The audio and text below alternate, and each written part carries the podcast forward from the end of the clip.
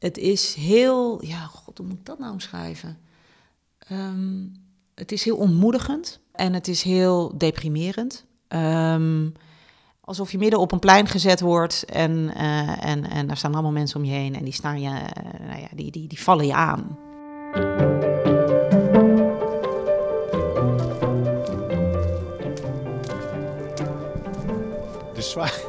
Er zwaait, al iemand naar me in de verte. Eh, dat is de nieuwe gast voor de binnenkamer. En die ziet mij al lopen, dus ik ben een beetje betrapt. Ja, nou zie ik Laurens ook op de fiets. Ja, die zwaait nou ook al. Ja! Nou, verrassingseffect voorbij. Ik ben al gespot. Ik heb zelfs al gewuifd naar de nieuwe gast. Goedemorgen Harmen. Ze heeft jou ook al gezien. Zeker. Want deze kom jij soms tegen, deze gast, eh, bij de lokale supermarkt. Ja, we zijn normaal altijd in jouw stad en nou ben je een keer in mijn dorp. ABC. Want wij hebben hier ook eh, politici. Hoeveel eigenlijk? Een eentje. Die hebben we? Eén landelijke, ja. Corine Ellemeet zijn we, staan voor de deur. GroenLinks, nummer 2, toch? Achter Jesse Klaver. Juist, ja, klopt. Ja. En eh, flink het nieuws geweest de laatste eh, tijd, want eh, zij maakt nogal een punt van de werkdruk in de Tweede Kamer. Ze schreef een eh, emotionele brief, schreef ze, zag ik op Twitter. Ja, klopt. Uit het hart. Ja, en die gaat heel erg over haat en over agressie en bedreiging en cynisme. En eigenlijk al die dingen waar onze podcast natuurlijk ook over gaat. Dus dacht ik, nou ja, dan moeten we natuurlijk eigenlijk even bij de langs. Heel goed. Dit is de binnenkamer. Ik ben Harmen van der Veen en samen met Laurens Boven ga ik op visite bij politici van toen en nu. Een bezoekje in het hoofd en hart van bevlogen bestuurders. Fiets op slot, één slot genoeg? Eh, in het dorp wel, ja. Dit is op koude. Ik heb het ABC genoemd. Dat is in de. Corinne doet al open. Hallo, goedemorgen. Goedemorgen, ik zag je al. En Ja. jullie? Ik zag jullie al. Ik voelde me betrapt. Ja, dat kan. Ik kan me voorstellen. Je deed een ommetje. Ja, ik deed een oortje. Lekker. Nou, Laurens eh, had je ook al gespot. Goedemorgen. Goedemorgen. Hi. Dan gaan we naar binnen voet vegen. Ja, voeten vegen. Schoenen, schoenen uit. Ja, schoenen kunnen. Schoenen mogen aan? Ja hoor. Oké, nou, maar goed vegen. Dat is altijd zo netjes. Oh, wacht even. Mijn eh, tas zit nog in mijn tas. Oh, maar dit is op koude, toch? Hij zei, ik zet hem op één, op één slot. Oh ja, ik, ja, je moet misschien niet hard zeggen, maar ik vergeet soms zelfs mijn fiets op slot te doen. avonds, ja? Ja, Maar ik heb wel één keer gehad dat hij op station eh, gestolen is. Dus sindsdien ben ik wel, eh, ben ik wel braver. Ja, oké. maar dus in principe kan het. Je kan zelfs hier je fiets Ja, onafgesloten laten. Ah ja. Je mag je fiets ook hier zetten hoor, voor het huisje. Oké, daar gaan we. Oh ja, even om elkaar heen draaien op de mat. Keurig. En de deur dicht. Ik, ik heb iets heel bijzonders gedaan. Echt, jullie zijn getuigen van iets heel bijzonders. Ik heb namelijk een bananencake gebakken. En ik bak echt één keer per jaar. En gisteren had ik in één keer de geest. Dus jullie mogen mijn bananencake zo meteen proeven. Oké, dat voelt heel goed. Hou je van We bananencake? worden getrakteerd op bananencake. Ja, ik, eh, ik, wil hem, ik wil hem zeker ook zien eerst. Oh, wat is hij mooi. Kijk eens. De bananencake van Corinne Ellemeet. We hebben al een titel voor, eh, voor- de podcast. Ja, mijn zoon vond dat er te weinig suiker in zat. Maar als jullie niet enorme zoete kous zijn, dan valt hij misschien best mee. Ik denk dat ik ook... eh, ik ben een enorme zoete kou. Maar wat ziet hij er mooi uit. Wat, hoe heette deze noot ook alweer? Ja, dat, eh, joh, ik, dat moet je mij niet vragen. Die heb ik. Die heten pekannoten. Mooi. Mooi gemaakt. Ja, toch? Wat willen jullie drinken? Ik lust wel een kopje koffie. Heb je dat? Met een beetje melk, zo eh, cappuccino-achtig. eh, en een beetje suiker. Dus ja, want ik ben zoetkou. En van Laurens weet ik dat hij tegenwoordig thee wil. En wat voor thee wil je, Laura? Zwarte thee. Oké. Ja, wat was je aan het doen op het moment dat wij eh aanklopten, wil ik zeggen. Maar je zag ons al lopen, hè? Ja, ik was nog even naar buiten gegaan. Het is lekker weer en eh, het is nu nog eens zes, dus ik dacht ik neem het ervan. Ik doe nog even een ommetje. Dus ik kwam eigenlijk net aanlopen en toen zag ik jullie. Gewoon een rondje rond het huis gelopen. Nou, ik loop dan even hier dan naar het uh. En dan, eh, ja, soms doe ik helemaal een rondje rond het Apkoudermeer, maar dat zou, dat zou ik nu niet halen. Dus Want wij stonden voor de deur. jullie stonden voor de deur. Ja, in het reces. Ja, Maar je zei eigenlijk, wil ik niet, jullie niet ontvangen in het reces. nee, dat klopt. Toen wij probeerden deze afspraak Ja. te maken. Ja. Ja, ja ik, ik probeer wel echt in het reces eh, zoveel mogelijk. Ja, hangt vanaf. Als het drie weken reces is, dan werk ik ook. Maar één zo'n weekje, dan eh, probeer ik wel echt even te ontspannen. Maar eerlijk gezegd dacht ik, dit is ook wel een ontspannen gesprek. Dus Ja, Nou, wacht maar af. nee, maar ik denk, ja, ben je daar echt mee bezig, heel bewust, met, met, met, met rust en, en reces en dan eh, niet tuurlijk, werken? ja, tuurlijk. Ja, ik ben ook, ik hou van heel hard werken. En ik ben ook ambitieus, maar ik ben niet een workaholic. Dus je hebt natuurlijk veel mensen in Den Haag die eigenlijk niets liever doen dan de hele tijd doorwerken. Maar zo zou ik mezelf niet omschrijven. Ik vind het heel fijn om een boek te kunnen lezen. Of ik was nu op bezoek bij mijn nichtje, die woont in Engeland. En nou, daar, daar geniet ik van. Dus in die zin vind ik dat niet moeilijk om, eh, om daar tijd voor vrij te maken. En kan je dan ook echt ehm, de boel op afstand zetten? Ja. Hoe, Ja. doe, je, hoe doe je dat? Nou, het duurt wel even, moet ik eerlijk zeggen. Dus het, het- je, je moet wel afkicken. Ja, Dus dat omschrijf, is- omschrijf dat eens. Hoe nou dat- ja, het, het grappige was ehm, eh, dat ik ook tegen ik was, kwam dus bij mijn nichtje en ik zei van het is ook heel goed om even ergens anders te zijn, andere omgeving, dat helpt al heel erg. En het ook over andere dingen te hebben. Dus zij hielp me daar ook wel bij, want af en toe begon ik weer over iets Haags. En dan- dan zegt ze, Corine, we zouden het hier niet over hebben. We gaan het nu weer hebben over, weet ik wat, iets anders. Waar heb je het dan over? Nou ja, of over familie. Dus is mijn nichtje en eh, haar vader is ziek. En nou, we, we- over familiedingen. En, eh, En dan wan- wandel je ook veel? Of, aan- laat je ja, dan ook, veel... ja, ja, dus in zijn algemeenheid, als ik vrij heb eh, of als ik, als ik wil ontspannen, dan ga ik inderdaad naar buiten. Dat vind ik prettig om te doen. Ehm, lezen, ik hou heel erg van lezen. Dus eh, ik heb ook in de trein eh, mijn boek uitgelezen. Je leest echt nog. Ik bedoel, want Ja. heel veel mensen klagen daarover die in de, in de, ja, Ja, in, in nee, de, ik- in de ik lees. politiek zitten, dat het gewoon niet meer lukt ook. Dat ze hun hoofd niet meer kunnen uitzetten. Nee, ook dat duurt even, maar je moet, je moet gewoon niet opgeven. Dus je moet gewoon, je gaat gewoon lezen en dan weet ik, het duurt even voordat mijn gedachten echt bij het boek zijn. Oké. En dan zet ik gewoon door. En die, die pagina's mis je dan even? Nou ja, je krijgt natuurlijk wel een soort van mee, maar je, het is wat anders. Soms zit je helemaal in het boek. En ik merkte nu ook weer, het was een fantastisch boek, dat ik op een gegeven moment zit ik er weer helemaal in. Ja. Dus dat duurt gewoon eventjes. En eh, lees je dan politieke boeken? Of, nee, of, nee, eh, nee. fictie. romans? Of, ja, eh, romans. En welk boek is het? Het is een boek van Katsuo Ishiguro, heet hij. En het heet Clara and the Sun. En dat is een van mijn favoriete schrijvers. Is, is hij die, die Japanner die in eh, Engeland... eh, ja, dus hij is bekend van The de- Remains of the ja, Day. mijn dochter leest nu een boek van Oh. hem voor haar school. Nou. Over, Oh. eh, en ik weet even de titel niet, in het Engels lezen het. Nou, wat leuk. En toen zag ik dat hij de Boekenprijs had gewonnen en Ja, alles. Nobelprijs zelfs. Nobelprijs, oh dat is het denk ik. Ja. En toen dacht ik, en toen dacht ik Remains of the Day, hey, die ken ik. ja, het is echt een fantastische schrijver. Nou, dan ga ik gewoon iets van hem lezen. Moet je doen. Ja, goede tip. Maar jij maakt daar dus werk van, van ontspannen. Ja, dus inderdaad, dat is een goede omschrijving. Dus je moet, je moet er heel bewust ja, werk van maken, inderdaad. Dat klinkt heel ge- tegenstrijdig, maar op een gegeven moment kom je wel echt in die ontspanning. En waarom is dat zo belangrijk om te doen? Omdat ik veel meer ben dan mijn werk. Ik, ik, ik, ik, ik zou mezelf, ik zou vinden dat ik een heel armoedig leven zou hebben als ik alleen maar met dat werk bezig ben. Het, is niet wie ik ben. Is het ooit anders geweest?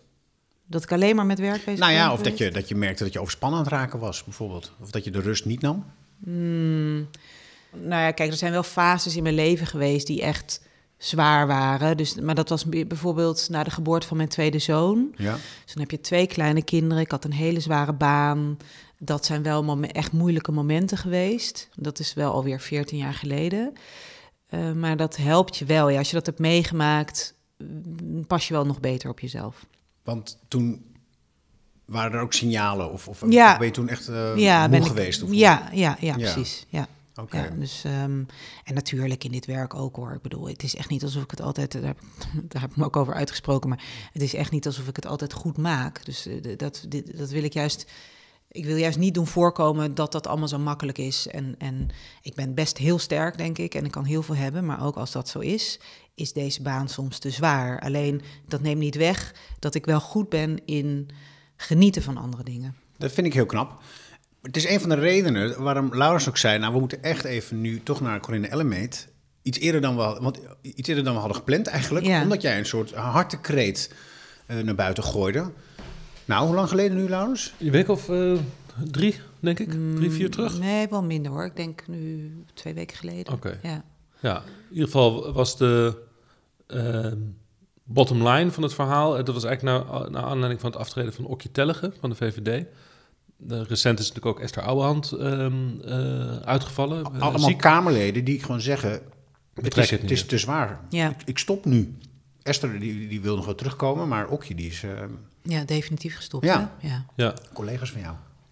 En jij had een heel verhaal daarover, dus eh, misschien leg, dat nog eens uit, eh, dat er een relatie is tussen eh, de aard van het werk en ook een beetje de relatie met de kiezers die je vertegenwoordigt, de Nederlandse bevolking, Ja. Ehm, en en hoe, hoe wij omgaan met onze politici en parlementariërs. En dat dat leidt tot ziekte, uitval en, en al dat soort zaken. Ja. ja, ik heb het idee dat het, voor mij laat ik het zo zeggen, is het echt een combinatie van de werkdruk en de, de agressie waarmee je soms eh, te maken krijgt als Kamerlid. Dus het is al ontzettend hard werken. Dus ehm, eh, ja, je maakt zo 60 uur denk ik wel in de week. En het is ook, we hebben het net over ontspanning. Ik ben dus wel goed in ontspannen, maar het is ook goed om daarbij te zeggen dat ik bijvoorbeeld vaak op vrijdag moet ik echt weer landen in de normale wereld. Dan ben ik, heb ik zo in, een, in die tunnel gezeten van die politiek. En dat is zo extreem intensief dat ik helemaal moet, ja, weer terug moet keren in de gewone wereld. Psychisch, maar ook fysiek. Psychisch en fysiek en alles. Ik heb soms dat ik me helemaal, dan loop ik hier in de supermarkt in mijn eigen dorp en dan,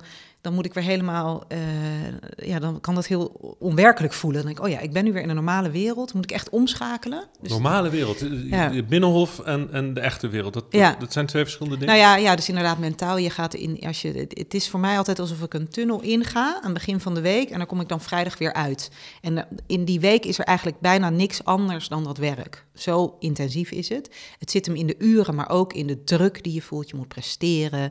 Er kan altijd een journalist zijn die iets van je wil of iets over je schrijft. Of, dus het is die combinatie. Dus het is gewoon heel hard werken. En je geeft alles. En, en ehm, ik heb niet het idee dat mijn gezin er echt onder lijdt. Maar ik heb wel het gevoel dat ik offers maak. Dus het gaat goed met, met mijn kinderen en mijn man. Maar ik, ik, ik, ik zou best er meer van willen meekrijgen. Dus in die zin is het een persoonlijk offer. Dus met hen gaat het goed. Maar ik, ik mis wel dingen. maar je bent wel elke avond thuis en elke ochtend ben je bij Nee de- hoor, nee hoor. Ik ben niet Nee? iedere avond thuis. Nee, ik, Je ik- blijft veel in Den Haag. ja, ik, ik, ik, eh, ik, ik slaap wel eh, één keer in de week of eh, één keer in de twee weken. Of wat nog zelfs wat vaak hangt een beetje van de week af. Slaap ik in Den Haag. In omdat een dan- hotel of heb je een In een hotel, nee, gewoon in een En dat hotel. noem je zelf een offer. Ja, Dat is een soort prijs die je betaalt Ja. voor, voor, wat je doet. ja, Dan moet het het ook wel waard zijn. ja. En, En dat, hoe- dat is het het ook. Ja, ja dat, dat is het ook echt. Ik, ik denk dat het... ehm, er zijn ook momenten dat ik zo'n voldoening voel van mijn werk. Dat echt... eh, Kan je daar ik- een voorbeeld van geven? Ja, zeker. Nou, het mooiste van mijn werk, en dan kom ik terug op jouw vraag hoor, want ik heb hem nog niet beantwoord. Maar het mooiste van, van, ehm, van het werk vind ik wetgeving. Eh, dus je kan als Kamerlid kan je ook zelf wetten schrijven. Je bent natuurlijk medewetgever. En ehm, dat is iets wat je niet eh, in een jaartje voor elkaar krijgt, het schrijven van een wet. Dus ik ben bezig met, eh, met een aantal initiatiefwetten. En dat is echt een traject van jaren. Daarom vind ik het ook belangrijk dat Kamerleden eigenlijk ook twee termijnen minstens doen. Omdat, ja, wat ik zeg, je bent wel jaren ermee bezig. Dus ik heb zelf gewerkt aan initiatiefwetten. En de eerste hebben we nu aangenomen gekregen in de, in de Eerste Kamer. En zulke soort momenten dat je denkt, ik verander iets voor altijd aan, ja, aan onze wetten. Eh, Dat vind ik echt... eh, Welke ja, wet? Dat was de abortuswet. Dus Ja. het ging over de verplichte vijf dagen bedenktijd als vrouw. Dus als je, Die is er nu uit, hè? die is er nu uit. Althans, Eerste Kamer ook al aangenomen? Ja, is aangenomen in de. Eerste Kamer. Ja. Echt iets gepresteerd. Ik- Nou ja, dat zijn een, soort, momenten. een soort legacy, een ja, nalatenschap. precies. Dat is wat het is. Ja. Ja, De dus, vijf dus- dagen van Van Ellemeet. Ja, nou niet alleen van Elementor, ook van anderen, maar ook van mij. Maar dat is voor jou die balans. Want hier, worden, hier wordt een prijs betaald, Ja. maar hier levert het iets op voor, in jouw geval, de samenleving. Ja, En, en iets waar jij echt iets voor wil laten. absoluut. Ehm, maar die balans, zit die continu in jouw hoofd, in je lijf? Is dat iets, een, een afweging die je eigenlijk de hele tijd maakt?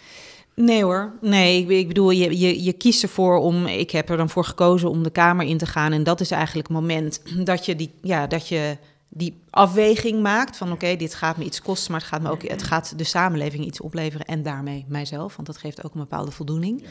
Ehm, nee, verder ben je er niet de hele tijd mee bezig. Nee, dat zou Maar de zijn. vraag, de vraag is natuurlijk of het in balans is. Hè? Want Ja. dat Ja. beeld wat je net beschreef, Ja. van dat je dus op Ja. maandag een tunnel ingaat en op vrijdag weer Ja. eruit komt, dat, dat, dat, dat klinkt een beetje als eh claustrofobisch en, be- en beangstigend. Ik moet er meteen bij zeggen, je bent ook niet de minste in Den Haag. Je bent de nummer twee van GroenLinks, wat toch een redelijk belangrijke partij is. Hè? Dus je zit wel, wel in, in, in... Er zijn backbenchers die het rustiger hebben, zullen we maar zeggen. Maar je, je, je, je hebt natuurlijk een eh, carrière gemaakt daar. Maar toch? Je doet ertoe. Eh, maar toch is het beeld natuurlijk claustrofobisch. En dan heb je die andere dagen hier in Apkoude en, en met, met, met het gezin en de andere dingen die je doet. Zijn die twee dingen dan, dan in balans daarmee? Nou, ik denk dat mm, hiervan kan je nog zeggen dat er een zekere balans is. Waar de disbalans vandaan komt, en daar heb ik ook over geschreven, is dat je geeft al alles. Je geeft echt alles voor je gevoel en je werkt zo hard. En dan krijg je nog de haat, eh, vaak via social media. Dus die, ma- die trekt Die, het uit dat balans is de eigenlijk. druppel. Dat is een beetje de druppel. Dus ik vind het al, het is al best een precaire balans, zou je kunnen zeggen. Van je geeft heel veel. En nou ja, goed, eh, dat, eh, dat is een keuze. En ik vind ook wel, eh, nou, je mag soms wel ook heel hard werken en heel veel geven. Dat moet je misschien niet je hele leven doen. Maar dat je dat een tijd in je leven doet, vind ik, dat mag je best van mensen vragen. Maar dat je dan nog die haat eroverheen krijgt, ja, dat is soms, dan, dat is soms bijna niet te doen. En die haat, waar zit dat? Waar- hoe komt dat bij jou binnen? Dat zit, hem, ja, dat zit hem vooral op social media. Zit jij daar dan op de koekeloeren ook de hele tijd? Nou, niet de hele tijd. Eh, nee hoor, niet de hele tijd. Maar je, je, je, ja, je, je wil natuurlijk communiceren met je kiezers. Dus, heb je je telefoon daarvoor? Dus heb je je telefoon daarvoor. En dat is ook heel fijn. Ik bedoel, ik denk dat heel veel mensen nu veel meer meekrijgen van wat er gebeurt in Den. Haag dan vroeger. Is ook zo. Dus in die zin is er zeker wat voor te zeggen. En, en ik vind het fijn om mensen daar mee te nemen. Alleen, ja, dan krijg je gewoon soms ontzettend veel eh positieve, maar ook ontzettend veel negatieve reacties. En Ja. die zijn vaak ook heel persoonlijk. Zijn dat echte mensen eigenlijk? Voor een deel niet, maar voor een deel ook wel. En dat is, ehm, je moet het denk ik een beetje... Herken je het? Wanneer het echt is en wanneer het een, Ja, een, ja, herkent is? het. Maar geef eens aan, wat, hoe voelt dat? Want Nou, het erge is, je weet natuurlijk rationeel dat je er ni- niks van moet aantrekken. Eh, wat je vaak hoort is van, nou, denk aan mensen die in de auto zitten. Mensen in het verkeer zijn ook altijd asocialer. Kan je nagaan als ze achter een schermpje zitten, dan zijn ze nog weer veel asocialer. Dus zelfs als het om gewone mensen gaat, weet je van, nou, als je een normaal gesprek met ze zou voeren, zou het he- er heel anders aan toe gaan.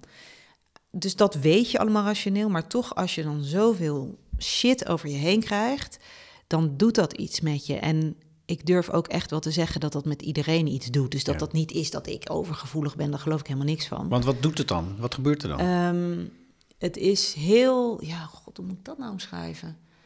Ehm, het is heel ontmoedigend Eh, en het is heel deprimerend. Ehm,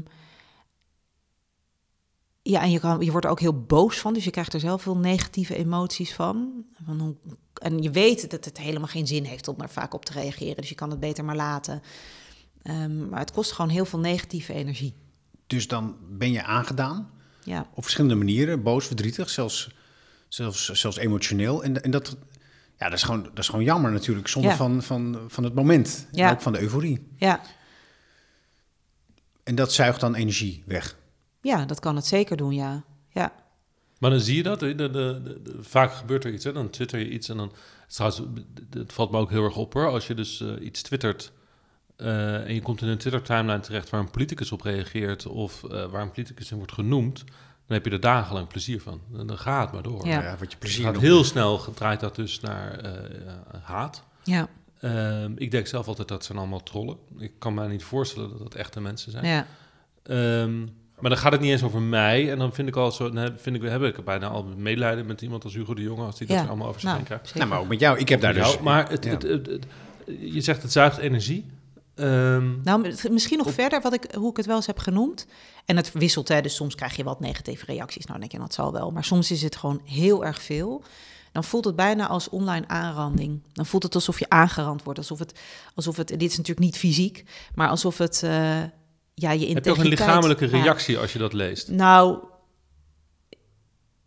het doet iets met je. Dus je raakt wel echt, je kan er echt door eh, van slag raken. En je, kan- je leert ook, hè, het is natuurlijk een vak en je leert je er eh, eh, afstand van te nemen en je er zo min mogelijk van aan te trekken. Dus het is niet alsof ik iedere keer als ik negatieve reacties krijg zo reageer. Maar er zijn momenten dat het heel extreem heftig is en dan, dan, voelt, het, dan voelt het zo. Als... Als aanranding. Als, als, ja, dat, het klinkt heel heftig, maar dat, dat kan het ook echt zijn. Dus, dus eh, je, je krijgt allemaal opmerkingen over, over van alles. Over je uiterlijk, over eh, dat je niet zou deugen. En dat komt massaal. Het komt massaal over je heen. Alsof je uitgejouwd wordt op een... Op een Ja. op- Alsof je midden op een plein gezet wordt en, eh, en, en daar staan allemaal mensen om je heen. En die, staan je, nou ja, die, die, die vallen je aan. Dan voel je ook heel goor of ja, of- smerig. ja, of, of, nou ja, of in ieder geval, nou, dat, dat, dat niet zozeer, maar Het komt echt het, is, binnen. het komt gewoon binnen. Mhm. En ze zeggen ook wel van ja, je moet gewoon een dikke huid hebben in de politiek en een publieke figuren die. Ja. eh, Moet je ook zeker hebben. Maar daarom vind ik het zo interessant wat er nu gebeurt. Dus ik merk wel, het is natuurlijk niet alsof ik de enige ben die zich er nu over heeft uitgesproken. Maar wat mij opvalt is vaak als mensen stoppen met de politiek. Dus als ze klaar zijn, dan heb je een afscheidsbrief en die wordt dan voorgelezen door de Kamervoorzitter. Dan komen er in één keer ontboezemingen. Dus eh, alsof mensen zich dan vrij voelen om eh, te vertellen over hoe ze bepaalde dingen hebben ervaren. Ik weet ook nog heel goed het afscheidsinterview met Alexander Pechtold. was volgens mij toen in Vrij Nederland. Dat hij toen zei dat hij na ehm, grote debatten soms wel dagenlang knallende hoofdpijn had. Dus dat hij een fysieke reactie had op het werk en de spanning die het werk met zich meebracht. Nou, ik denk toch dat niemand van ons ooit gedacht had dat Alexander Pechtold knallende koppijn had na een groot debat. En ik vond het heel eerlijk en openhartig. En tegelijkertijd, en dat heb ik dus al vaker, denk ik, waarom is er pas ruimte om zulke dingen te benoemen als je klaar bent in de politiek? Maar die arena, want het, het ziet eruit als een arena waarin jullie eigenlijk vechten, als soort gladiatoren. En wij zitten op de tribune, wij het volk, zullen we maar zeggen. En dat je dus niet je zwakte mag tonen, want dan krijg je een mes en dan ben je, word je uit de arena gesleept. Dus het Ja. lijkt op alsof jullie, jij, nou jij, jij, jij grijpt het nu aan, om, jij durft het nu om Ja. te zeggen, dit is Ja. zwaar. Ja, en, en dat is ook Alexander. Pechtold durfde dat dus niet. Nee, nee. Maar dat is een, een heftige werkomgeving. Dat is het. En tegelijkertijd, dat vind ik dus het interessante eraan, dat ik heb dit gedaan en ik krijg vervolgens zoveel bijval. Dus Sigrid Kaag heeft zich uitgesproken. Hugo de Jonge zegt nu dingen die hij nooit eerder zo duidelijk heeft Klopt. gezegd. En ik zeg niet dat het allemaal door mij komt, Nee, maar, maar er is wat in gang gezet. er is iets in gang gezet. En dat vind ik, en dan daardoor blijkt ook maar weer, we kunnen onszelf ook wijsmaken dat er geen ruimte is. Of wijsmaken. Er zijn natuurlijk mores. En je moet die gewoontes moet je ook durven doorbreken. Ja, maar het, het- social media is relatief nieuw. Eh, en, en, en de hardheid van de politiek is dat natuurlijk niet. De geur van wilde beesten hè, is ook zo'n begrip, wat, wat natuurlijk altijd rondom de Tweede Kamer hangt. Daar vloeit bloed. Heel veel bloederige beeldspraak is er ook in de politiek over aangeschoten wild en een stuk rood vlees en allemaal dat soort dingen. Ehm, de, de, dus wat is er dan precies nieuw? Is het de sociale media die het nu tot een groter probleem maakt dan het verleden? Of zijn we als, als mensen en ook als politici misschien gevoeliger geworden? Nee, dat denk Gaan ik er echt andere niet. waarden gelden? Gaan er vrouwelijkere waarden gelden? Ja, in tegendeel. Ik denk dat we minder gevoelig zijn geworden. Ik denk dat we harder zijn geworden om hier tegen te kunnen. Dus kijk, wat Maar het je, is dus een verandering in de samenleving. Het gaat dus om het is een verandering in de samenleving. sociale zeker. media. Ja, ik denk dat dat echt wel een enorm groot verschil maakt. En wat je zegt over dat de, de Kamer en de plenaire zaal een arena is. En dat daar ook, dat we als gladiatoren daar tekeer gaan. Daarvan zeg ik niet eens dat dat per se allemaal negatief is. Dus het hoort ook bij dit vak. eh, dat, dat- ik, ik heb het natuurlijk ook wel vaak meegemaakt. Dat je in een debat zit en dat je een zwakte voelt van iemand. En in één keer denk je, ik heb beet. Maar dat gaat over de inhoud. Dus uiteindelijk zeg maar dat gevecht wat in die zaal plaatsvindt en dat mensen bloed ruiken en et cetera, die, die, die eh, eh, beeldspraak, die vind ik niet per se slecht. Nee, oké, maar, als je, nee. nee, maar als je dus constateert dat het, de sociale media, dus in feite internet, digitalisering en modernisering, dat dat effecten heeft die ertoe leiden dat mensen uitvallen en jij ook met deze, dit betoog komt, eh, een soort waarschuwing. Ja, dan zou je kunnen zeggen dat de, dat de sociale media eigenlijk dus ook onze parlementaire democratie bedreigt. In zekere zin. Ja, Ja, want wie wil de volksvertegenwoordiger worden? ja, die vraag heb ik ook gesteld. Van wie wil dat nog? En, en, en ik hoor het ook veel om me heen. Mensen die ik zelf bijvoorbeeld heel geschikt vind om, noem maar wat, het kabinet in te gaan of de Ja. Kamer in te gaan. Die zeggen ook tegen mij, nou ja, ik, ik denk er niet aan. Ik ben hier dus doodsbenauwd voor. Hè? Want Marjolein die, die zou zomaar eens wel daarheen kunnen gaan. Dat weet je natuurlijk ook. Zeker. Misschien wel in een rood-groene constructie. Het is al lang geen geheim meer.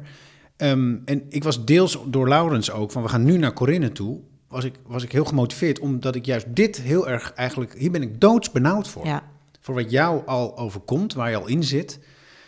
Ehm, ja, ik, ik, ik, ik wil mijn, mijn vrouw eigenlijk daar niet aan blootstellen. nee, je hebt gelukkig een hele sterke vrouw. Zeker, maar, en jij ook. Maar Ja. wat ik waardeer aan jou en aan haar... is dat jullie een soort van onbevreesd zijn. Jullie zijn dus wel echte gladiatoren. Ja, Ehm, maar ook kwetsbaar.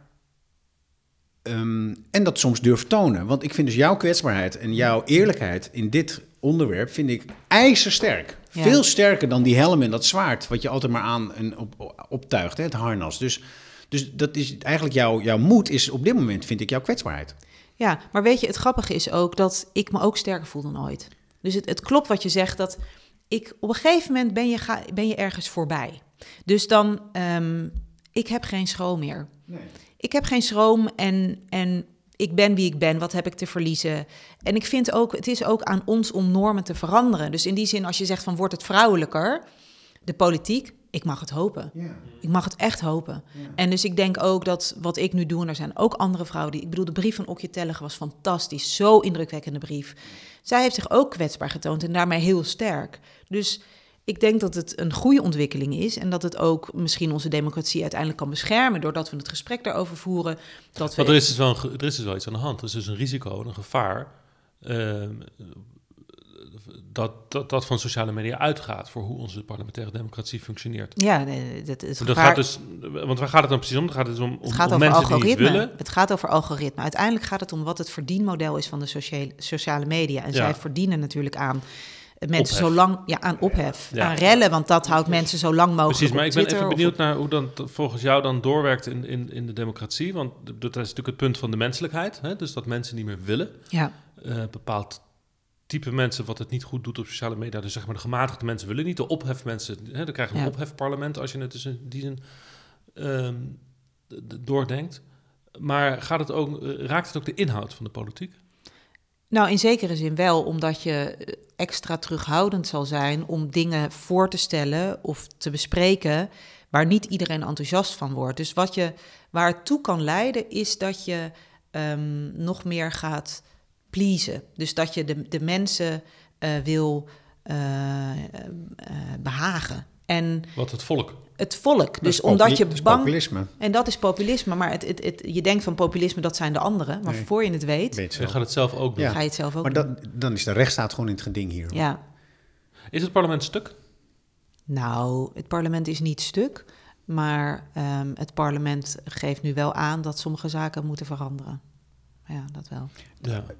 Je kan een wet schrijven, kan je vier, vijf jaar over doen. Twee termijnen minimaal zitten. Dat is ook de know-how die je moet behouden in de Kamer, jouw betoog net. Dit is ook wel een kentering die misschien mede dankzij jou ook is ingezet. ehm, dat we anders gaan kijken naar het werk van volksvertegenwoordiging. Ja, ja nee, kijk, het is altijd heel makkelijk om politiek te bashen en om af te geven op, de, op politici. Wat ik hier ook mee probeer te doen, en ik ben nogmaals niet de enige, is ehm, ook inzicht geven in hoe complex het werk is en hoe zwaar. En, en daarmee ook, kijk, uiteindelijk zou het gewoon goed zijn voor het land Hmm. als er meer, als politiek een bepaald aanzien heeft. Dus als er waardering en respect is voor wat politici doen, in plaats van dat het allemaal alleen maar ja. de club is waar we makkelijk op kunnen afgeven. Dus ik Dat- denk dat dat ook belangrijk is. Tegelijkertijd schiet er een, een grapje in mijn hoofd, wat eh, altijd werd gezegd over de, de DDR. Het volk was boos op de politiek. En wat zeiden dan de dictators van de DDR? We kiezen een ander volk. Ja.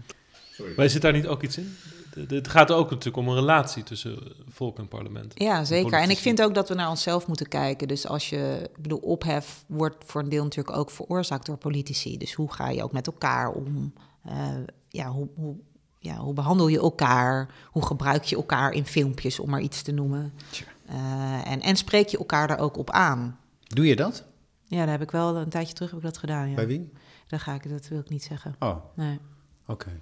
Maar Waarom, en ik zal het je ook zeggen waarom ik dat niet wil Ja. zeggen. Omdat ik niet hetzelfde wil weer doen. Dus ik heb, Aha. weet je, dan ga ik nu weer iemand wegzetten. En ja, waar, mijn punt is een ander, namelijk dat ik vind dat je iemand erop moet aanspreken als Ja. hij een filmpje maakt. Face-to-face, niet via microfoon. Face-to-face. En we hebben hetzelfde, daar heb ik het toen met collega's binnen mijn eigen fractie over gehad. Van, zal ik dat nou doen? En die zeiden van, nou joh, dat, is- dat maakt niks uit, gaat niks opleveren. Zei ik, ja, toch toch ga ik het doen. Ik heb het ook gedaan. Een collega volksvertegenwoordiger. Ja, Van welke partij? Oké, prima. Eh, eh, eh, hielp het? Had nou, het het hielp mij dus heel erg. Omdat ik gewoon ja. vond, ik heb het gezegd. En, en ook gezegd, joh, wie denk je dat ik ben? Ben ik iemand die, ehm, eh, die maar zomaar dingen roept? Ken jij mij zo? Hoe heb jij mij leren kennen als collega? Volgens mij ben ik toch wel iemand die heel in, op de inhoud gericht is. Dus om mij dan weg te zetten op iets alsof ik eh, die inhoud helemaal niet belangrijk vind.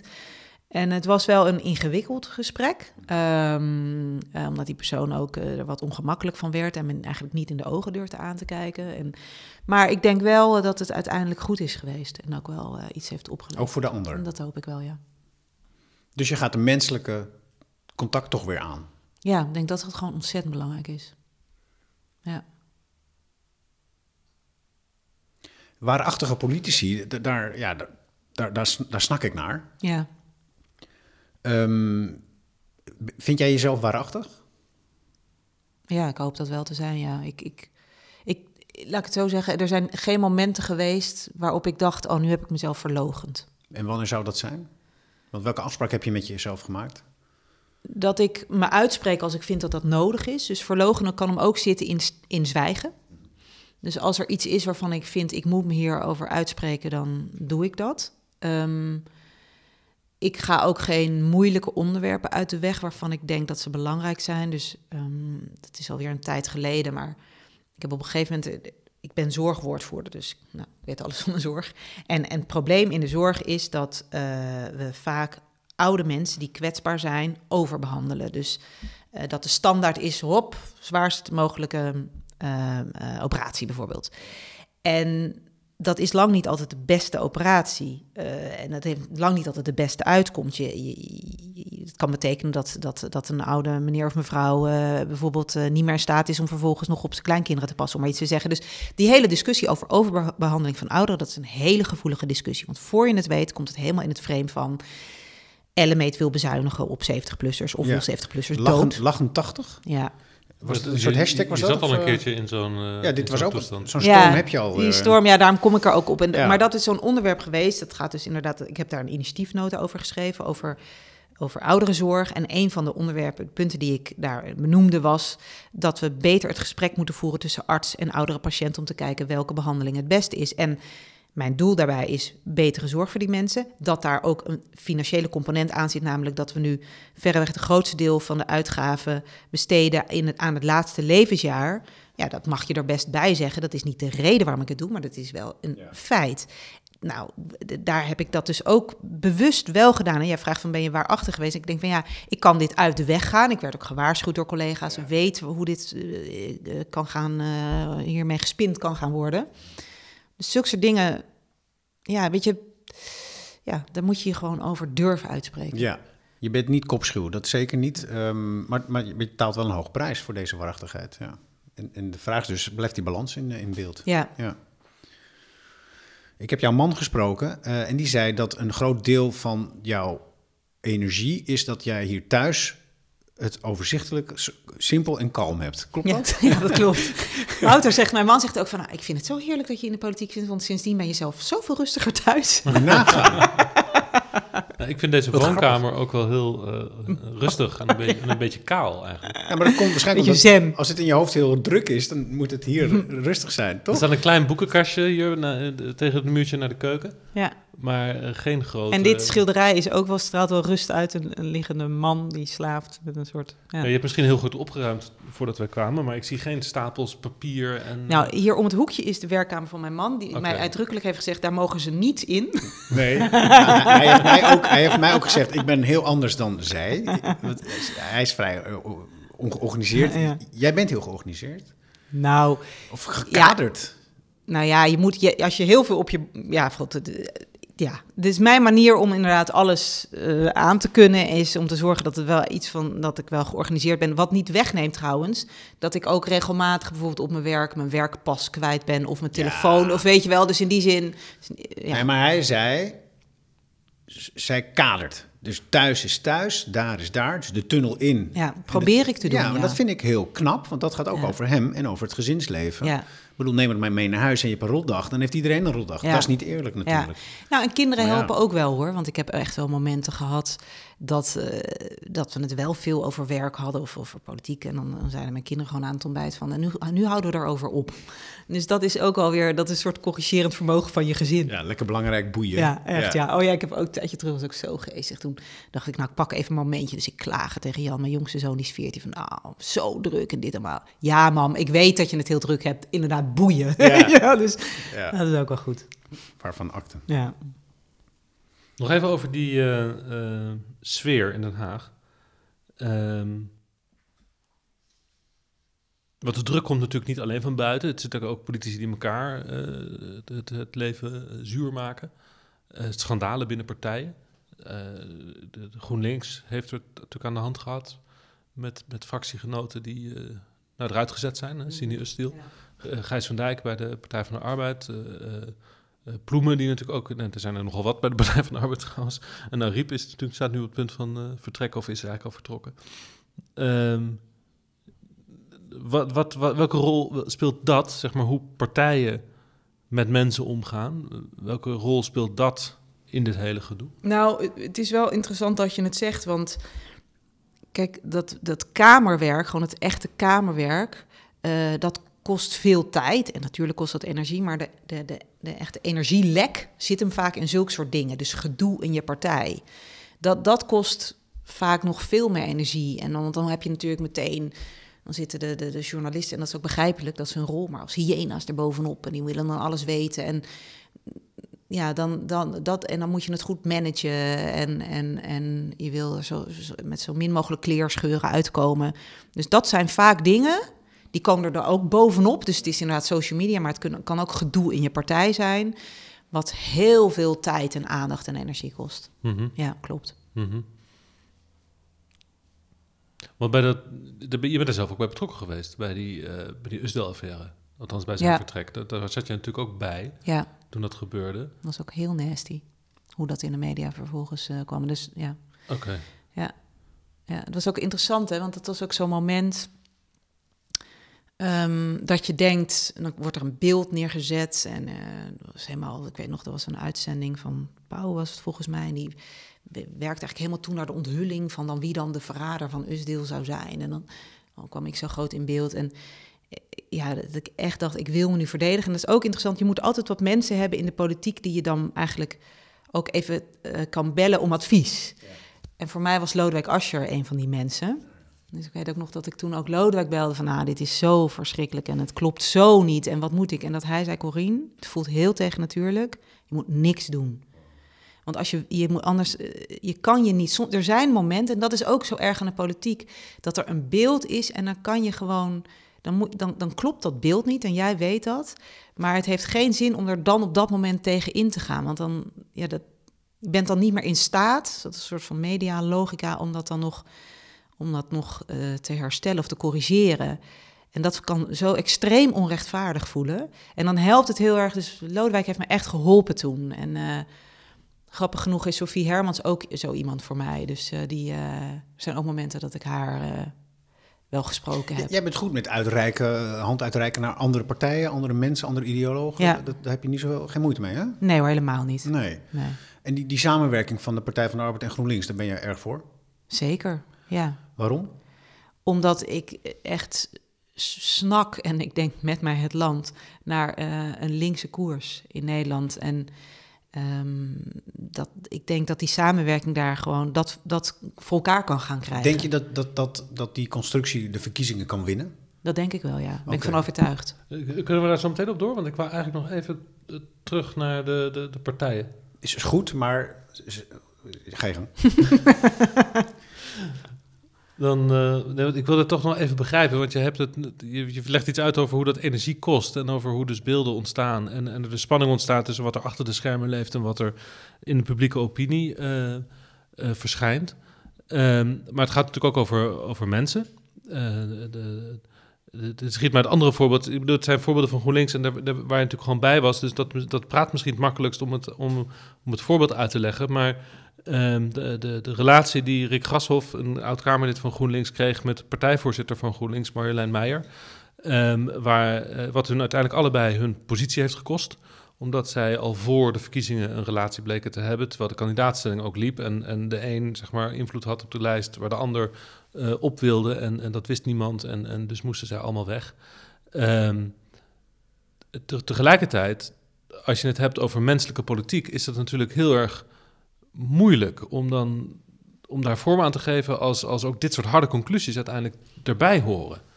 Weet ik niet hoor. Die weet- natuurlijk ook, kijk, en, en eerlijk gezegd, want we hebben het net over de sociale media gehad, maar ook dit soort dingen, eh, persoonlijke omgang tussen mensen in partijen hebben natuurlijk invloed op de behoefte of de wil van mensen om te kandideren. Van waar begin ik aan?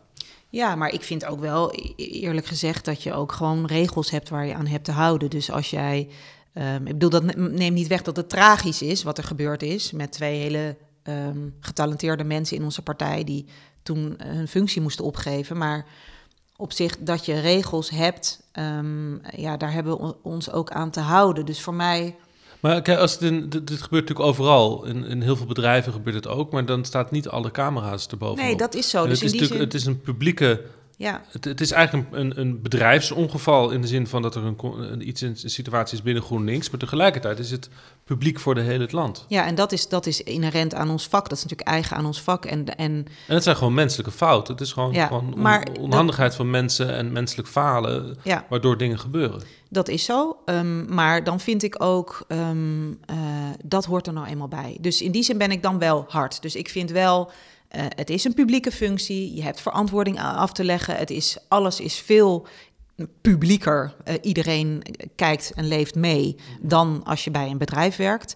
Eh, dus dat, dat, dat, dat vraagt zeker, dat kan een prijs vragen van mensen. Ehm, Je moet gedisciplineerder zijn dan in het Ja. normale leven. ja, dus daarvan vind ik wel, dat moet gewoon.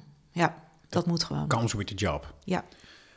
En dit doet niks af dan wat jou betreft aan het onderliggende doel wat je hebt, wetgeving en verandering. Want, want Nee, dus ik denk je moet inderdaad de cultuur veranderen daar waar die ongezond is. Ehm, en en die, dat is hij nu, soms in het parlement en inderdaad op social media. Dus daar moet je wat aan veranderen. Eh, en ik denk ook dat het goed is om eh, eh, ons daar meer over uit te spreken. Dus dat is ook een cultuurverandering die ik graag wil. Maar dat is dus voor mij wat anders dan dat je zegt van ja, er worden wel hogere eisen gesteld aan je integriteit, eh, aan foutjes die je maakt als mens.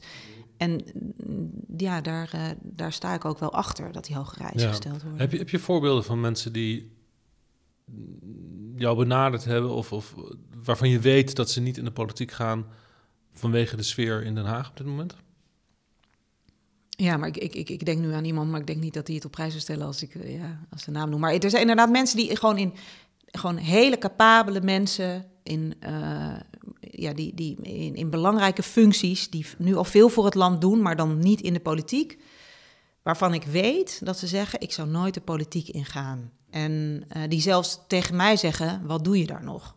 Dus die mij zelfs eigenlijk aanmoedigen om te stoppen omdat ze ja, te doen hebben met mijn bewijs van spreken, met wat ik over me heen krijg. En dan denk ik, ja, dat is toch echt zonde. Dat is toch jammer? Want ik bedoel, vroeger... eh, Overigens zitten wij journalisten en politie inmiddels in hetzelfde schuitje. We worden Ja, uitgemaakt klopt. voor eh, pestdieren. Eh, wij zijn ratten, jij bent een, een hagedis, hoe heet zoiets? Ja, Reptiel. Ja. Nou, begin van fascisme. Ehm, het is ongelooflijk jammer dat het zover gekomen is. Ik heb daar niet zo 1, 2, 3 verklaring voor. Ik ben geen filosoof. Maar, maar het, is, het, het heeft geen aanzien en het ambacht wordt niet eens meer gewaardeerd. Ook van ons niet. Een van de redenen dat wij dit doen, is dat wij aan tafel tot rust komen met mensen zoals jij. Ja. Om hen ook de kans te bieden om aan ons, maar dus ook aan onze luisteraars te laten zien wie ze echt zijn, waarom ze doen wat ze Ja. doen. Want daar is geen tijd meer voor.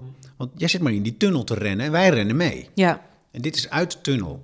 Ik realiseerde me net iets toen we hier voor de deur eh, stonden. Eh, dat ehm, het gaat nu over politici en journalisten die natuurlijk vanuit dezelfde hoek onder vuur liggen. Eh, tegelijkertijd lijken politici en journalisten natuurlijk wel een beetje op elkaar. In de zin van dat we uit dezelfde soort kringen komen. De, de, de, de, viel mij, schoot me net opeens te binnen. Ja, ik bedoel, wij wonen in hetzelfde dorp. Mijn vader gaf schaakles aan jouw eh, zoontjes. Ehm, alhoewel die niet hier in het dorp woont hoor. Ik kom helemaal niet uit, oorspronkelijk niet hier vandaan. Ehm, maar eh, jij zat bij, op de school waar eh, Harmens eh, vrouw ook op school zat in, in, in Wassenaar. Je bent goed bevriend met, of dat je kent wat mensen uit mijn vriendenkring eh, van de universiteit. We zaten overigens aan de universiteit, verschillende studies, maar wel Maar dat is toch allemaal toeval op dit moment? ja, is dat allemaal toeval? Of, of Nou, is er kijk- wel een soort... eh, ik, ik heb het vaker bij deze gesprekken, ook bij Renske Leijten hebben we het gemerkt. Dat je die, eh, die, die, die- nou, ja, er zijn meer mensen, uh, Dylan Jezilgus, eh, de- de- de- de- die, die heb ik ook een paar keer, heeft mijn pad zich gekruist in de jaren negentig met haar. Weet je, dus, dus ik heb het idee van, hé, hey, we zitten eigenlijk wel een beetje in... Maar een soort Jij zei net hetzelfde schuitje. Maar we, zitten, we zijn ook een beetje dezelfde groep. Maar wat bedoel je ermee? Zijn we een elite? Zoals in Engeland. zijn we eh, een, een politiek-journalistieke elite? Bestaat die? Ik denk dat die nog wel bestaat, maar ik denk ook wel dat je positieve veranderingen ziet. Want ik denk dat het goed is om dat te doorbreken. Ehm, als ik gewoon naar mijn eigen fractie kijk, dan is die best wel heel divers. Zeker. En heb ik collega's nou ja, eh, die echt heel verschillend zijn. Maar Kautar, eh, Kouter, Senna, Lisa, ik bedoel, Tom. Het zijn echt mensen met heel verschillende achtergronden. Dus het is wel een taak, denk ik, ook voor de journalistiek trouwens. En voor de politiek, om dat bewust ook proberen diverser te Want maken. kan het een onderdeel zijn van de agressie, of een reden zijn van de agressie en de, en de haat? Nee, dat, dat, dat, denk dat, ik. de, dat de mensen waar die haat vandaan komt, dat die iets waarnemen. Hé, van dat is een gesloten bolwerk. Dat denk ik niet, want als ik kijk naar de haat die Kouter bijvoorbeeld over zich heen krijgt, dat is ongeëvenaard. Dat is echt, dat is ongeëvenaard. Echt, Wat die vrouw over zich heen krijgt en die zit niet, hart. ja, ongelooflijk. En die is niet, komt niet uit die elite, om het zo en we beginnen net. Het is, dit is het begin, hoop ik, van meer diversiteit in Ja, de Kamer. dat hoop ik ook, ja. Maar dan wil ik nu toch terug naar rood-groen. Ja, Want als iemand, als er een paar partijen verantwoordelijk zijn voor die diversiteit, dan is het de Partij van de Arbeid en GroenLinks. En, en denk jij dus. Maar dat- heel veel is misgegaan overigens hè, bij de Partij van de Arbeid. ja, maar nu even van dat pad af, Laurens. Want het, elk bedrijf heeft zo zijn eh, struikelpartijen. Ja. Ehm, het gaat nu even om de toekomst. En denk jij dat het dus kans heeft om dus ook dat sentiment en dat afrekenen en naar elkaar koekeloeren de hele tijd van wanneer struikelt ze nou, dat dat ook kan veranderen als die progressieve beweging wat sterker vertegenwoordigd wordt in het, in, ja, in het bestuur? Ja, ik denk het zeker. Ik, ik, ik denk ook, je ziet ook nieuwe mensen opstaan. Doet het een beetje ongemakkelijk omdat het je vrouw is, maar ik ben echt super blij met Marjolein. Dus, en, en, en bij onze partij zie je ook zulke grote talenten eh, opstaan nu. Dus ik denk dat dat ontzettend belangrijk is. eh, dat we, nou ja, we noemen Esma Lala, dat is dan een, een wethouder van ons in Tilburg. Die vrouw die heeft gewoon GroenLinks in één keer in Tilburg grootste gemaakt daar. En, en dat is gewoon eh, ja, z- zulke soort mensen zijn denk ik zo belangrijk en laten een heel andere kant van politiek zien. En, en zijn, geven mensen hoop en vertrouwen. Ja. En ik geloof daar zeker in. In plaats van haat en nijd. Ja. Heb jij nog het gevoel dat er dan genoeg, dat er nog genoeg steun is in het land om dus dat groot te maken, dat 1 plus 1 3 wordt of 4? Dat GroenLinks PvdA... Absoluut. Ja. Kijk, het, het, je, je, ziet vaak mensen. Dat is ook grappig voor mij om te merken. Ik heb, voel me nog steeds. ehm, GroenLinks is echt helemaal mijn partij en ik ben al heel lang lid. En, maar ik, ik, ik identificeer me niet helemaal met die partij. Dat heb ik nooit gehad. Nee. Zo zit ik niet in elkaar. En ik denk dat geldt natuurlijk in nog veel grotere mate voor kiezers. Weet je, die, die, zijn niet, het, is, bepaalt, is niet voor hun, bepaalt hun identiteit niet.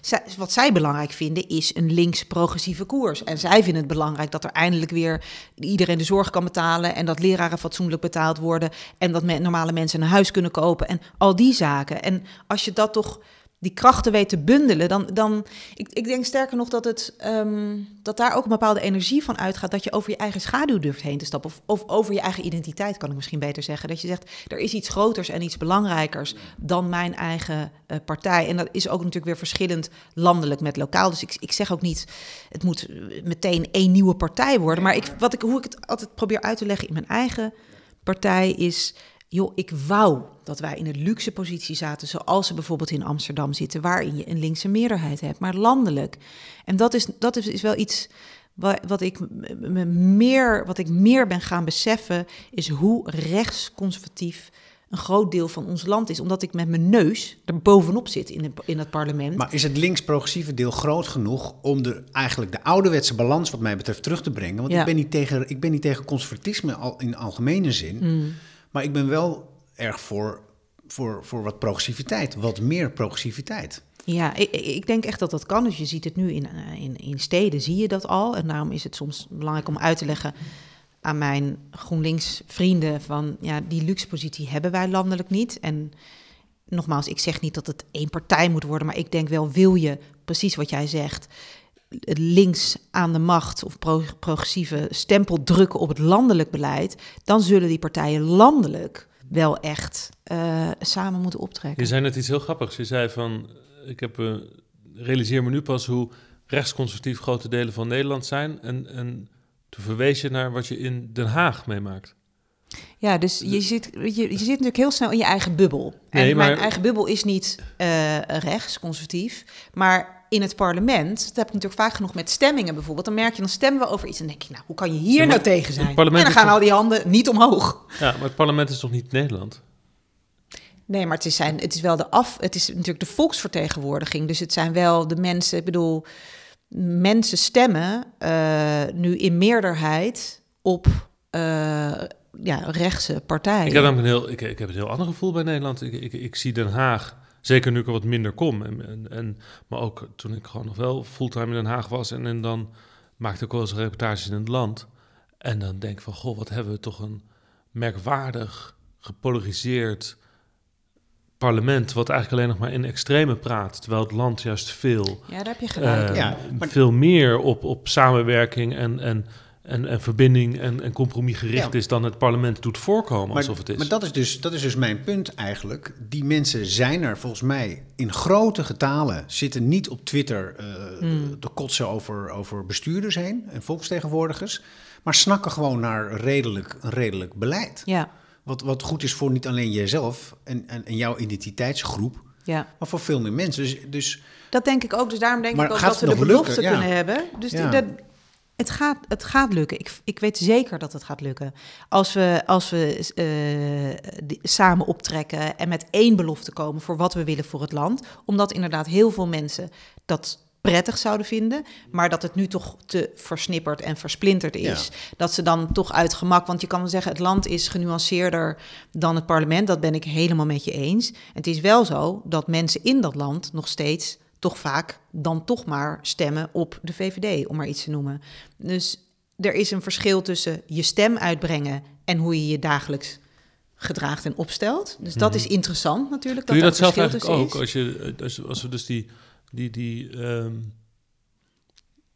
hoe noem je dat nou? De, de gepolariseerdheid, of althans de, de, de wat extremere standpunten in het parlement hoort resoneren, ook bij eh, middenpartijen. Hè, dat ze net even conservatiever zijn in het debat dan ze misschien eh, dan hun achterban misschien is. Heb je dat, doe je dat zelf ook? Ben je in, in Den Haag ook wat eh, uitgesprokener dan de GroenLinks-achterban is Hmm. over conservatieve standpunten of over.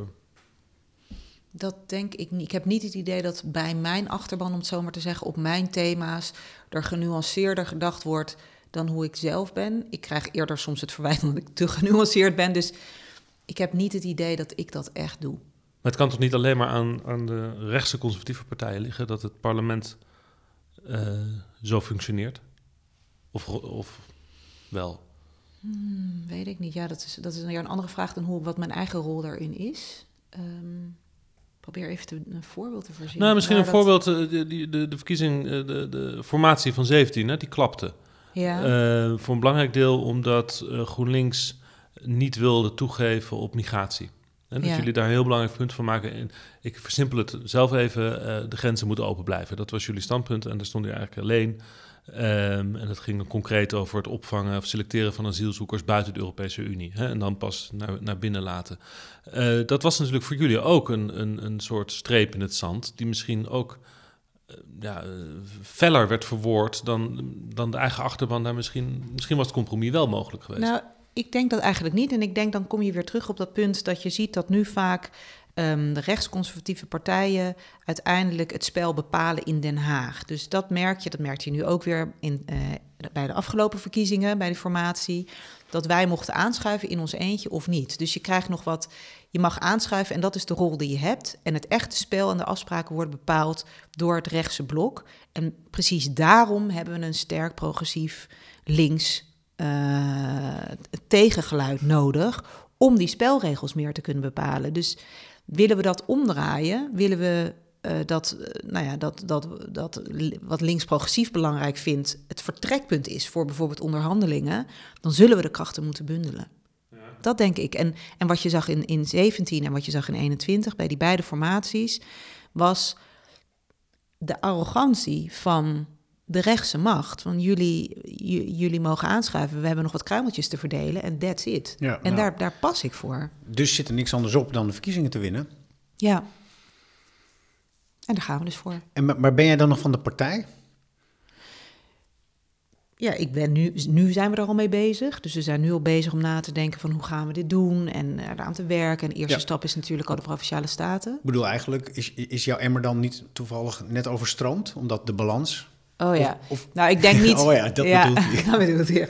Nee, ik denk niet. Kijk, de emmer overstroomt volgens mij. eh, ik moet het afkloppen. Maar gaat het er nu juist om dat ik probeer te voorkomen dat die emmer overstroomt? Dus in die zin. dat, daar werk je hard aan. Ja. Maar, maar het ging ook het begin van het gesprek over... eh, het is het me waard. Want Ja. ik kan wetten maken, ik Ja. kan dingen in gang zetten... en nu kan je misschien zelfs de verkiezingen gaan winnen. Ja, nou ja, dus daar wil ik zeker aan bijdragen. Ja, nou, de vraag is hoe. Kijk, eerlijk gezegd, nu ben ik bezig. We zijn natuurlijk nu, wat is het? Iets anderhalf jaar bezig.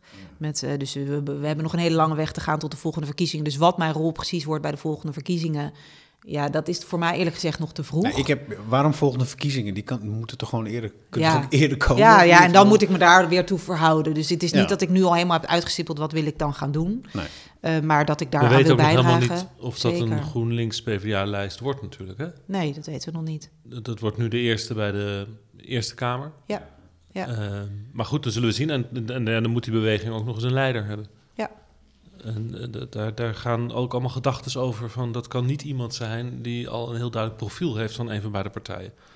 Hè, dus eh, eh, al die mooie namen van Marjolein Boorman en Frans Timmermans en, en Jesse Klaver zelf, dat wordt natuurlijk ingewikkeld.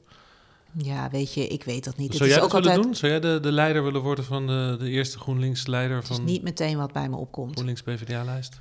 Niet meteen wat bij me opkomt. Maar ik vind het ook, er is altijd gespeculeer. En dan weer worden weer mensen naar voren geschoven en dan weer afgeschreven. En kijk, uiteindelijk kan je, gaat het ook om je verhaal op dat moment. En gaat het erom hoeveel steun is er in beide partijen. En wat straal je met elkaar uit. Dus ja, Het is belangrijk, wel wat Laurens ook in een intermezzo aanstipte, dat dus de organisatie onderling, dat, die, dat, dat, dat de mensen wel dezelfde kant op lopen op een gegeven moment en niet elkaar gaan pootje haken terwijl, de verkiezingen, terwijl je bezig bent met verkiezingen proberen te winnen. ja, En dat is natuurlijk organisatorisch wel een, een, een- echt iets heel spannends. ja maar daarom, in, in die zin voel ik wel dat er momentum is. Want we hebben nu eigenlijk te maken met allemaal mensen die hun eigen belang ondergeschikt maken aan het belang van die samenwerking. En dat is best heel bijzonder. Dan heb je het over de fractieleden in de Kamer die je veel spreekt. Ja, en, en, maar ook bijvoorbeeld, ik werk natuurlijk heel veel met Jesse samen. Ja. Ik vind het heel bijzonder om te zien en te ervaren, ik bedoel, ik werk heel intensief met hem samen, dat voor hem staat centraal die samenwerking. En eigenlijk met name wat voor hem centraal staat, is links moet, eh, moet de koers gaan bepalen, Ja. landelijk. En niet... Dat is het eh, einddoel. Ja, En da- daar zou hij zelfs een stap voor opzij doen voor een nieuwe gezamenlijke lijsttrekker als hij dat niet zou zijn. Heb je dat? Ik bedoel, Ja, ik bedoel, dat zegt hij ook al wel. Dus, Ja. dus, dus in die zin zegt hij niet van het is het project, een groot project Jesse Klaver. Helemaal Nee. niet. En dat vind ik gewoon zo prettig om te merken. Het is niet een eh, derde poging van Klaver om premier te worden. Nee, Om nu maar die partijen te fuseren om het dan op die manier nog maar een keer te nee, nee. dat- en dat dat, is toch, dat is toch ontzettend fijn. Ja. Ik bedoel, en dat is echt niet vanzelfsprekend. Dat Nee. je, want dat is heel bepalend voor of iets een succes kan worden. Ja. Ja, en dan ben ik opeens weer de parlementair verslaggever... die daar dan allemaal heel wantrouwig eh, eh, dat dan beluistert, dat je dat zo zegt. Dat snap ik. Zo van, en dat tegelijkertijd... klopt vast niet, er zit vast een verborgen Ja. agenda. We worden, ja, dat we vermoeden. worden om, de, om de vinger gewikkeld. Ja, eh, en dat is ook wel iets, want we hebben het over wat geeft je energie. Dus ik zeg van wetgeving, maar wat mij ook heel veel energie geeft is samenwerken met collega's. Ik ben echt een teamspeler, dat vond ik ook nog best wel ingewikkeld aan dit werk. Want voor je het weet voel je een halve ZZP'er en je bent de enige vooruitgeschoven post. Ik dan van GroenLinks in een debat. En daar zit je dan in je eentje. Dus eh, eh, ik probeer ook, ik ben nu een vice-fractievoorzitter, dus dan kan je ook echt investeren, een stempel drukken op de samenwerking binnen je fractie. Dus we hebben heel veel eh, ja, overleggen ook samen met de Kamerleden, niet alleen fractievergadering, maar dat we vaak samen eten en over allerlei andere zaken praten om, ja, om, om echt als een team te kunnen functioneren. Daar hecht ik gewoon heel erg aan. En dat doe ik in extreme mate natuurlijk met Jesse. En dat is ook iets, ik bedoel, ik heb hem ook beter leren kennen.